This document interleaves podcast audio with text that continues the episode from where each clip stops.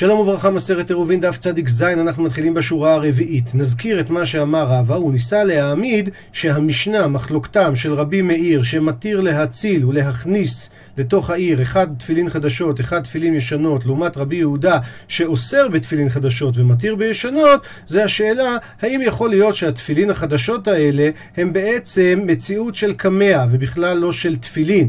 אז לפי רבי יהודה, אדם יכול להיות שטרח איניש והוא באמת יעשה קמע בצורה של תפילין, לעומת זה רבי מאיר לא חושש לדבר הזה כי הוא אומר לא טרח איניש. אומרת על זה הגמרא, והשתא, ועכשיו, דתני ששנה אבוה דשמואל בר אב יצחק, שמה ההבדל בין חדשות לישנות?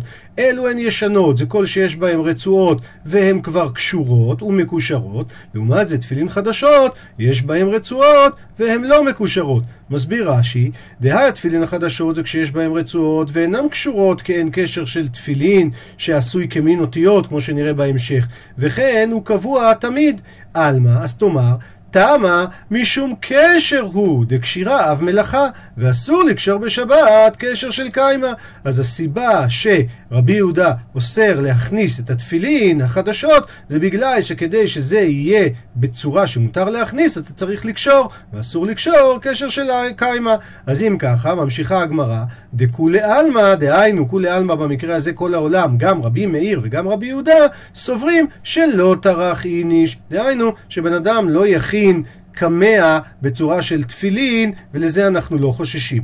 שואלת הגמרא, אז רבי יהודה אוסר בחדשות, דהיינו, כי אתה לא יכול לקשור קשר של קיימא, וליענביהו מעניו, שיעשה את זה בצורה של עניבה ולא בצורה של קשר, דהיינו ככה, ועל ידי העניבה הוא יקשור את זה בעצם, יענוב את זה על ידו ויוכל להכניס אותה. ומזה שרבי יהודה לא מאפשר בצורה כזאת, אמר רב חיסטה, זאת אומרת, עניבה פסולה בתפילין.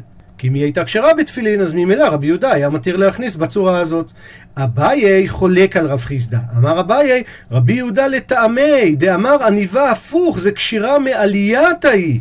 אומר רש"י, שבמסכת שבת בפרק אלו קשרים, לגבי חבל דלי שנפסק, כורך עליו פונדה או פסקאיה, דהיינו, הוא לוקח את שני החלקים ומחבר אותם אחד לשני על ידי שהוא כורך עליהם איזה איזולירבנד או משהו בסגנון, ובלבד שלא יענבנו, דהיינו, לא ייקח את שני החלקים ויעשה מהם עניבה ביחד. למה? עלמא תאמר תמה משום דקשירה הוא, וחייבים עליה משום אב מלאכה.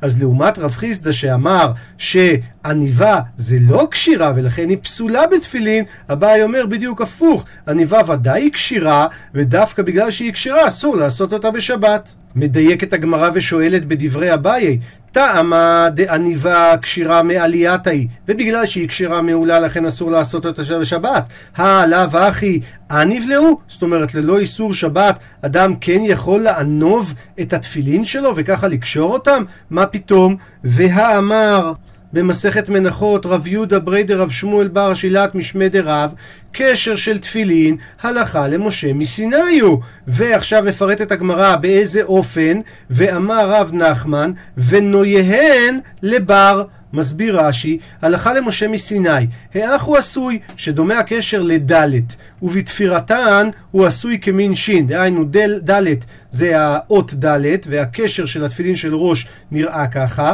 ובתפירתן הכוונה השין מרוקעת בתוך הבית של התפילין של ראש.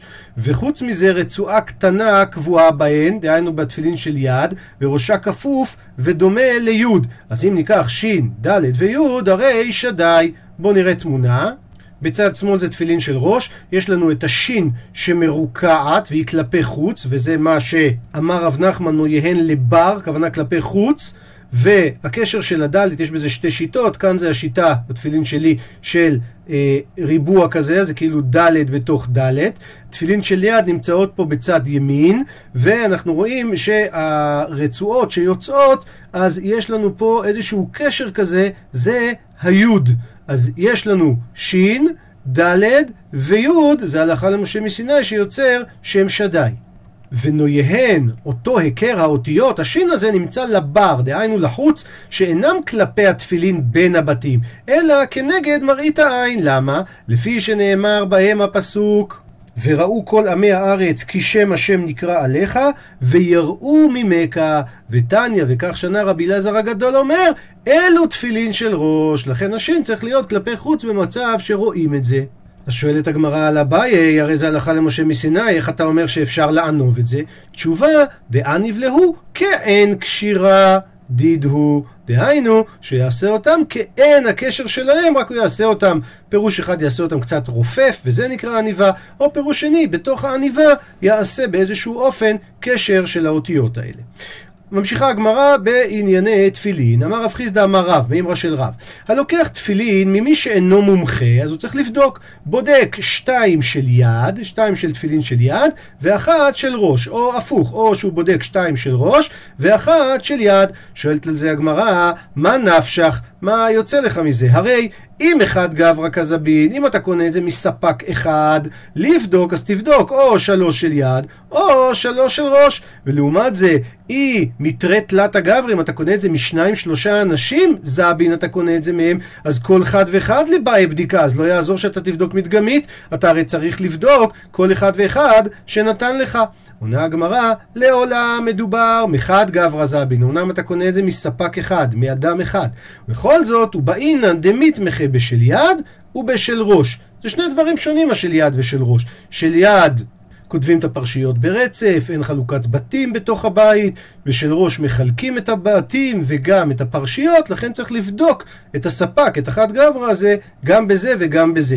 שואלת הגמרא, איני, מה באמת? והא והרי תני שנה רבא בר שמואל, שבתפילין בודק שלוש של יד ושל ראש. מה אליו? האם הוא לא התכוון כשהוא אמר של יד ושל ראש, או שלוש של יד, או שלוש של ראש, ולא כמו שאנחנו אמרנו שניים מזה ואחד מזה. עונה הגמרא, לא, שלוש שמהן של יד ומהן של ראש. זאת אומרת, בסך הכל שלוש, ושוב פעם זה יהיה ביחס שתיים ואחד. שואלת הגמרא, והתני והרי שנה רב כהנא, שבתפילין בודק שתיים של יד ושל ראש, אז איך אתה אמרת שצריך לבדוק שלוש? עונה הגמרא, המאני, מה שרב כהנא שנה, שיטת מי זה? רבי היא, שרבי אמר, בתרי זימני, הווה חזקה. מסביר רש"י, זה שיטת רבי שאמר במסכת יבמות שחזקה היא בפעמיים אבי חזקה. שם המקרה שאם היא נישאת לאדם אחד והוא מת, ולאדם השני והוא מת, היא כבר בעצם חזקה שהיא אישה קטלנית ולכן לשלישי לא תינשא. אז בשניים מספיק חזקה. אבל מה שרב אמר שצריך לבדוק שלוש, כי זה הדעה לא של רבי, שצריך שלוש כדי לקבוע חזקה. שואלת הגמרא, אי רבי, אם אתה אומר שמה שרב כהנא הביא זה שיטת רבי, אימה סיפא תאמר מה שכתוב בסוף הברייתא הזאת, וכן בצוות השני וכן בצוות השלישי, וצוות הכוונה היא, מסביר רש"י שאם היו לו צוותים הרבה, שבכל צוות יש תפילים הרבה, וכסלקא דעתה אנחנו מבינים שככה הוא אומר, שהוא בדק את הצוות הראשון שני תפילין, אז הוחזק כל אותו חבילה, כל אותו הצוות, וכן בשני הוא בדק, אז הוחזק גם הוא, וכן בשלישי וכולי. עכשיו, כיוון דהוחזק בשלושה צוותים שהם כשרים, אז הוחזקו כל הצוותים, ולכן הוא לא צריך לבדוק עוד כלום את כל שאר הצוותים. אבל אם זה שיטת רבי, ואי רבי, שלישי מי איתלי, הרי רבי אומר שחזקה מספיק שתיים, אז למה צריך שלוש? עונה הגמרא, מודה רבי בצוותים שכן צריך לבדוק יותר משתיים. למה? דמיטרי תלתא גברי, שמשניים שלושה אנשים זבין. אומרת הגמרא, אז אחי אם כך שזה מאנשים שונים, אז אתה לא יכול להסתפק בלבדוק שלושה וזה ישפיע על כולם. אפילו רביעי נמי, אפילו חמישי נמי, צריך גם ברביעי, גם בחמישי לבדוק, כי אולי זה מגיע מאנשים אחרים, החזקה של השלושה לא מועילה כלפיהם. אומרת, אומרת הגמרא, אין הכי נמי, אתה באמת צודק. והיידק תני שלישי, אז למה כתבו צלת שלישי? כי זה בא לאפוקי מחזקי, כי זה הרי שיטת רבי. ברגע שאמרנו שלישי, אתה מביא שזה בא להוציא ממה שרבי בדרך כלל מחזיק כחזקה שזה שניים. וממילא אתה כבר מבין לבד ולעולם שצריך לבדוק אפילו רביעי וחמישי, נמי, גם אותם צריך לבדוק. ציטוט מהמשנה, מצען צוותים או כריכות וכולי. שואלת הגמרא, מהי צוותים ומהי כריכות? מה זה הדבר הזה? עונה הגמרא, אמר רב יהודה אמר רב, הן הן צוותים, הן הן כריכות. בשני המקרים מדובר על ערימה של תפילין. אלא מה? צוותים זווה זווה, יש פה גרסה גם זוזה זוזה, וכריכות דקריחן טובה. מסביר רש"י, דקריחן טובה, כי הדדי ואין בית בית קשורים. וזוזה זוזה זה של ראש ושל יד קשורים יחד, וכן הרבה קשרי זוגות בבת אחת. זאת אומרת, צוותים זה סטים, יד ראש ביחד, הרבה כאלה, ולעומת זה כריכות זה כל מיני תפילין שקשורים ביחד. התמונה בשמאל זה צוותים, והתמונה בימין זה כריכות. ציטוט מהמשנה, מחשיך עליהם הוא אביאן, זאת אומרת הוא מחכה עד צאת השבת ואז יביא את כולם. שואלת הגמרא והמים, מדוע? לאיילין שיכניס אותם בינתיים זוג זוג. אמר רב יצחק ברדר רב יהודה, לדידי מפרשה לי מיני דאבא אבא, דהיינו רב יהודה, פירש לי את הדברים. וככה אמר, כל שאילו מכניסן זוג זוג וכלות, והוא יספיק לכלות את כל הערימה הזאת קודם שקיעת החמה, אז מכניסן באמת זוג זוג. ואי לא, אבל אם הוא לא יספיק, אז מחשיך עליהם ומביאן. מסביר רש"י, דהואיל והוא צריך לטרוח, ובכל מקרה לחזור משטח שח, אז כבר מחשיך עליהם ויתלם את כולם יחד. המשך ציטוט מהמשנה שבסכנה מחסן והולך. אנחנו נסביר את זה לפי הלישנה השנייה שרש"י אומר בדף הבא. שואלת הגמרא והתניא, והרי שנינו ובסכנה מוליכן פחות פחות מארבע אמות. מסביר רש"י, קודם שיגיע לארבע אמות, הוא יעמוד כדי לנוח, לפוש, ואז שוב פעם חוזר והולך פחות פחות מארבע אמות, וכן תמיד. אז יוצא שהשתא כל זימנה אבי עקירה והנחה, ואין כאן העברה ארבע אמות ביחד, כי כל צד שלו בעצם זה לא בשיעור שמתחייב עליו להליכה. בכל מקרה לענייננו, כתוב מוליכן פחות פחות מארבע אמות. לעומת זאת המשנה שלנו לא התירה להוליך אותם, אלא אמרה מחסן והולך. עונה הגמרא, אמר רב, לא קשיא, הא בסכנת נוכרי, הא בסכנת ליסטים. בסכנת נוכרי, שיש גזירה של המלכות, מי שיתפסו אותו תפילים יהרגו אותו, לא משנה אם הוא מצא אחד, לא משנה אם הוא מצא ערימות, צוותים, שיכסה אותם ובעצם יברח משם, שלא יהרגו אותו. לעומת זה, בסכנת ליסטים, החשש הוא שהם יתפסו ויהרגו אותו, ולא אם הם יתפסו אותו דווקא עם תפילין. אז ייקח את כולם ביחד וילך פחות פחות מארבע אמות. הפכנו דף. אמר לאביי, במה יוקים תלמתניתין? לפי מה העמדת את המשנה? בסכנת עובדי גילולים? אימה הסיפא תאמר אבל דווקא לפי זה בסוף המשנה, רבי שמעון אומר, נותנם לחברו וחברו לחברו, דהיינו, שהוא עושה שרשרת אנושית כדי להכניס, ואם אתה מעמיד שהחשש הוא שהמלכות הנוכרית תשמע ותהרוג אותו, מציאות כזאת, דווקא כל שכן דאב שמילתא, עוד יותר יש לזה קול. אומר רש"י, הרי יישמע למלכות יותר מאשר אם הוא היה מכניסם זוג זוג, או מחשיך עליהם לכולם. עונה הגמרא, חיסורי מחסרא ואחא קטני, יש פה חיסרון בגרסה, ככה צריך לקרוא את המשנה. במה דברים אמורים בסכנת עובדי גילולים, שאז מחסם והולך משם, אבל בסכנת ליסטים מוליכם פחות פחות מדלת אמות, ועל זה רבי שמעון אמר שבסכנת ליסטים עדיף לא ללכת פחות פחות מדלת אמות, אלא עדיף לעשות שרשרת אנושית. ממשיכה הגמרא, על דברי רבי שמעון שאמר נותנם לחברו וכולי, אומרת הגמרא, במאי כמפלגי, במה נחלקו רבי שמעון ותנא קמא? מר סבר פחות מארבע אמות, עדיף. למה? דאי אמרת, כי אם תגיד נותנם לחברו וחברו לחברו, אב שמילתא דשבת. יהיה חילול השם מהפרסום, עמי הארץ יגידו מה זה הדבר הזה, אתם חיללתם שבת. ולעומת זה, מר סבר, רבי שמעון סבר, נותנם לחברו, זה עדיף. למה? די אמרת, כי אם תיתן את הפתרון של תנא קמא שמוליכם פחות ואחות מארבע אמות, זימנין דלאו דעתי, לפעמים הוא לא ישים לב, ואתי לאייתוניהו, ויבוא להעביר אותם ארבע אמות ברשות הרבים, ויעבור על איסור דאורייתא. ציטוט מהמשנה, וכן בנו. אומרת הגמרא, בנו, מאי באי הטה, מה הבן שלו עושה מחוץ לעיר באמצע השדה? עונה הגמרא, דבי מנשה תנא, בבית המדרש של מנשה שנו, בשילדתו עמו בשדה. יאללה, לידת בזק, ילדה אותו בשדה. אז אם ככה, ומאי אפילו הן מאה? מה הרבותא אם יש לך כזה שרשרת גדולה? עונה הגמרא, דאף על גב דקשיא לידה, מסביר רש"י שקשה לתינוק שמטלטלים אותו מיד ליד, בכל זאת אפילו הכי העדיפה. הצורת הבאה הזאת עדיפה מאשר שמישהו יעבור על עיסוי דאורייתא, כמו שאמרנו קודם. המשך ציטוט מהמשנה, רבי יהודה אומר, נותן אדם חבית. נזכר רגע במשנה, רבי יהודה אומר, נותן אדם חבית לחברו וחברו לחברו, אפילו שמוציאים את זה חוץ לתחום, ועל זה אמרו לו חכמים, לא תהלך זו יותר מרגלי בעליה. שואלת הגמרא, ולייטלי, האם אין לו לרבי יהודה הדתנן את מה ששנינו, שהבהמה והגלים כרגלי הבעלים? מסביר רש"י שהשואל לא לוקח בהמה או כלים מחברו ביום טוב, הוא לא יכול להוליכם אלא למקום שהבעלים הראשונים היו מותרים ללך שם. לכן אם הם ירבו לצפון, הוא למשל לא יכול להוליך אותם לדרום.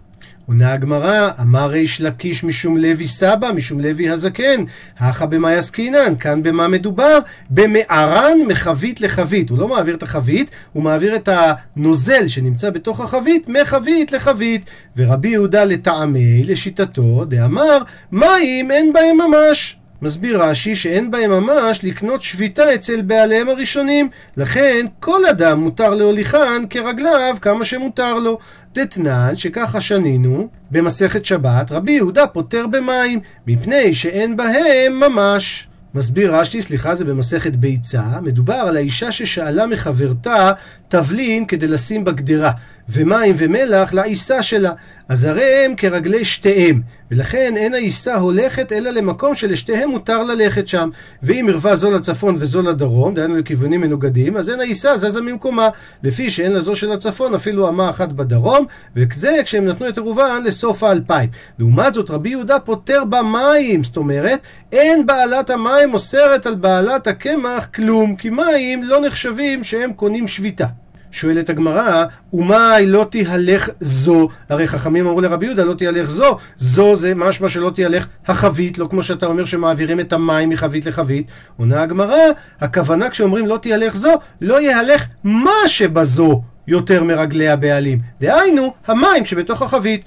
אומרת הגמרא, אימר דשמט לרבי יהודה, מה שאתה הוכחת מטעמו של רבי יהודה, זה היכא דבליאן בעיסה, איפה שהמים נבלעו בעיסה, אז בזה הוא לא מחשיב את המים לכלום. אבל היכא דאיתנאו בעיניו, אבל איפה שהמים ישנם בעין, רואים את המים, הם דבר חשוב. מי לי... האם במקרה שהמים נמצאים בעין ולא בלויים במשהו, האם בזה שמעת שרבי יהודה יגיד שהמים לא קנו שביתה? אומרת הגמרא, הוכחה למה ששאלנו, השתא עכשיו בקדרה באמת, אמר רבי יהודה, לא בתלי, אבל בעיניי הוא בתלי, אבל אם המים נמצאים בפני עצמם, הם הם בתלי? בסימן שאלה? ודאי שלא. דתניא, ששנינו. רבי יהודה אומר, מים ומלח בטלים בעיסה, ואין בטלים בקדרה מפני רוטבה. מסביר רש"י, מפני רוטבה שניכר הרוטב, ואם היא השאילה מים לקדרה, אז הרי היא כרגלי שניהם, כי המים נוצר מהם הרוטב. אז אם ככה, כאשר המים נמצאים בעין, רואים אותם, הם לא בטלים. ולכן חוזרת בה הגמרא ממה שהיא אמרה שמדובר על העברת מים מחבית לחבית ונותנת תשובה אחרת. אלא מרה והכה בחבית שקנתה שביתה ומים שלא קנו שביתה עסקינן דבטלה החבית לגבי המים. מסביר רש"י, המים לא קנו שביתה כי התמלאו היום ממעיין הנובע או מנהר, ולמדנו שנהרות המושכים ומעיינות הנובעים, הרי הם כרגלי כל אדם, הם לא קנו שביתה.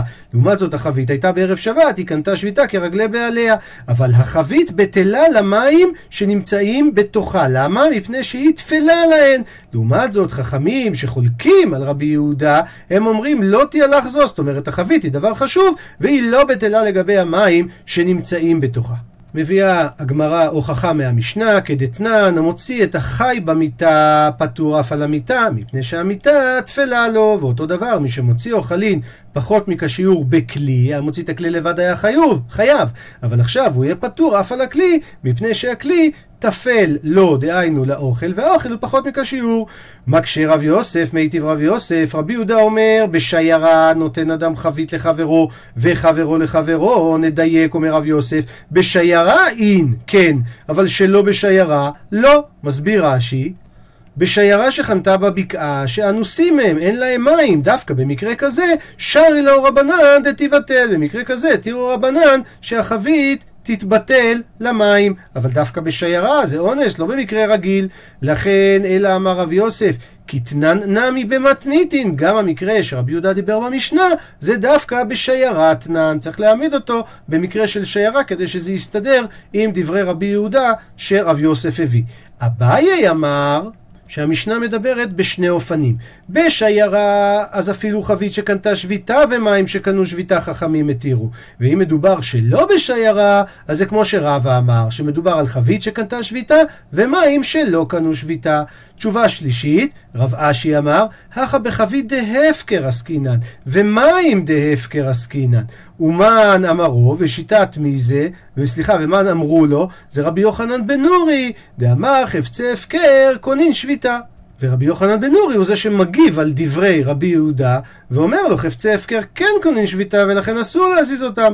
אז שואלת הגמרא, ומה אלותי הלך זו יותר מרגלי בעלים? הרי אם זה הפקר אין פה רגלי בעלים. מסבירה הגמרא, לא יהלכו אלו, המים האלו שהם הפקר, יותר מכלים שיש להם בעלים. דהיינו, את המידה של השביתה, שזה אלפיים אמה לכל כיוון.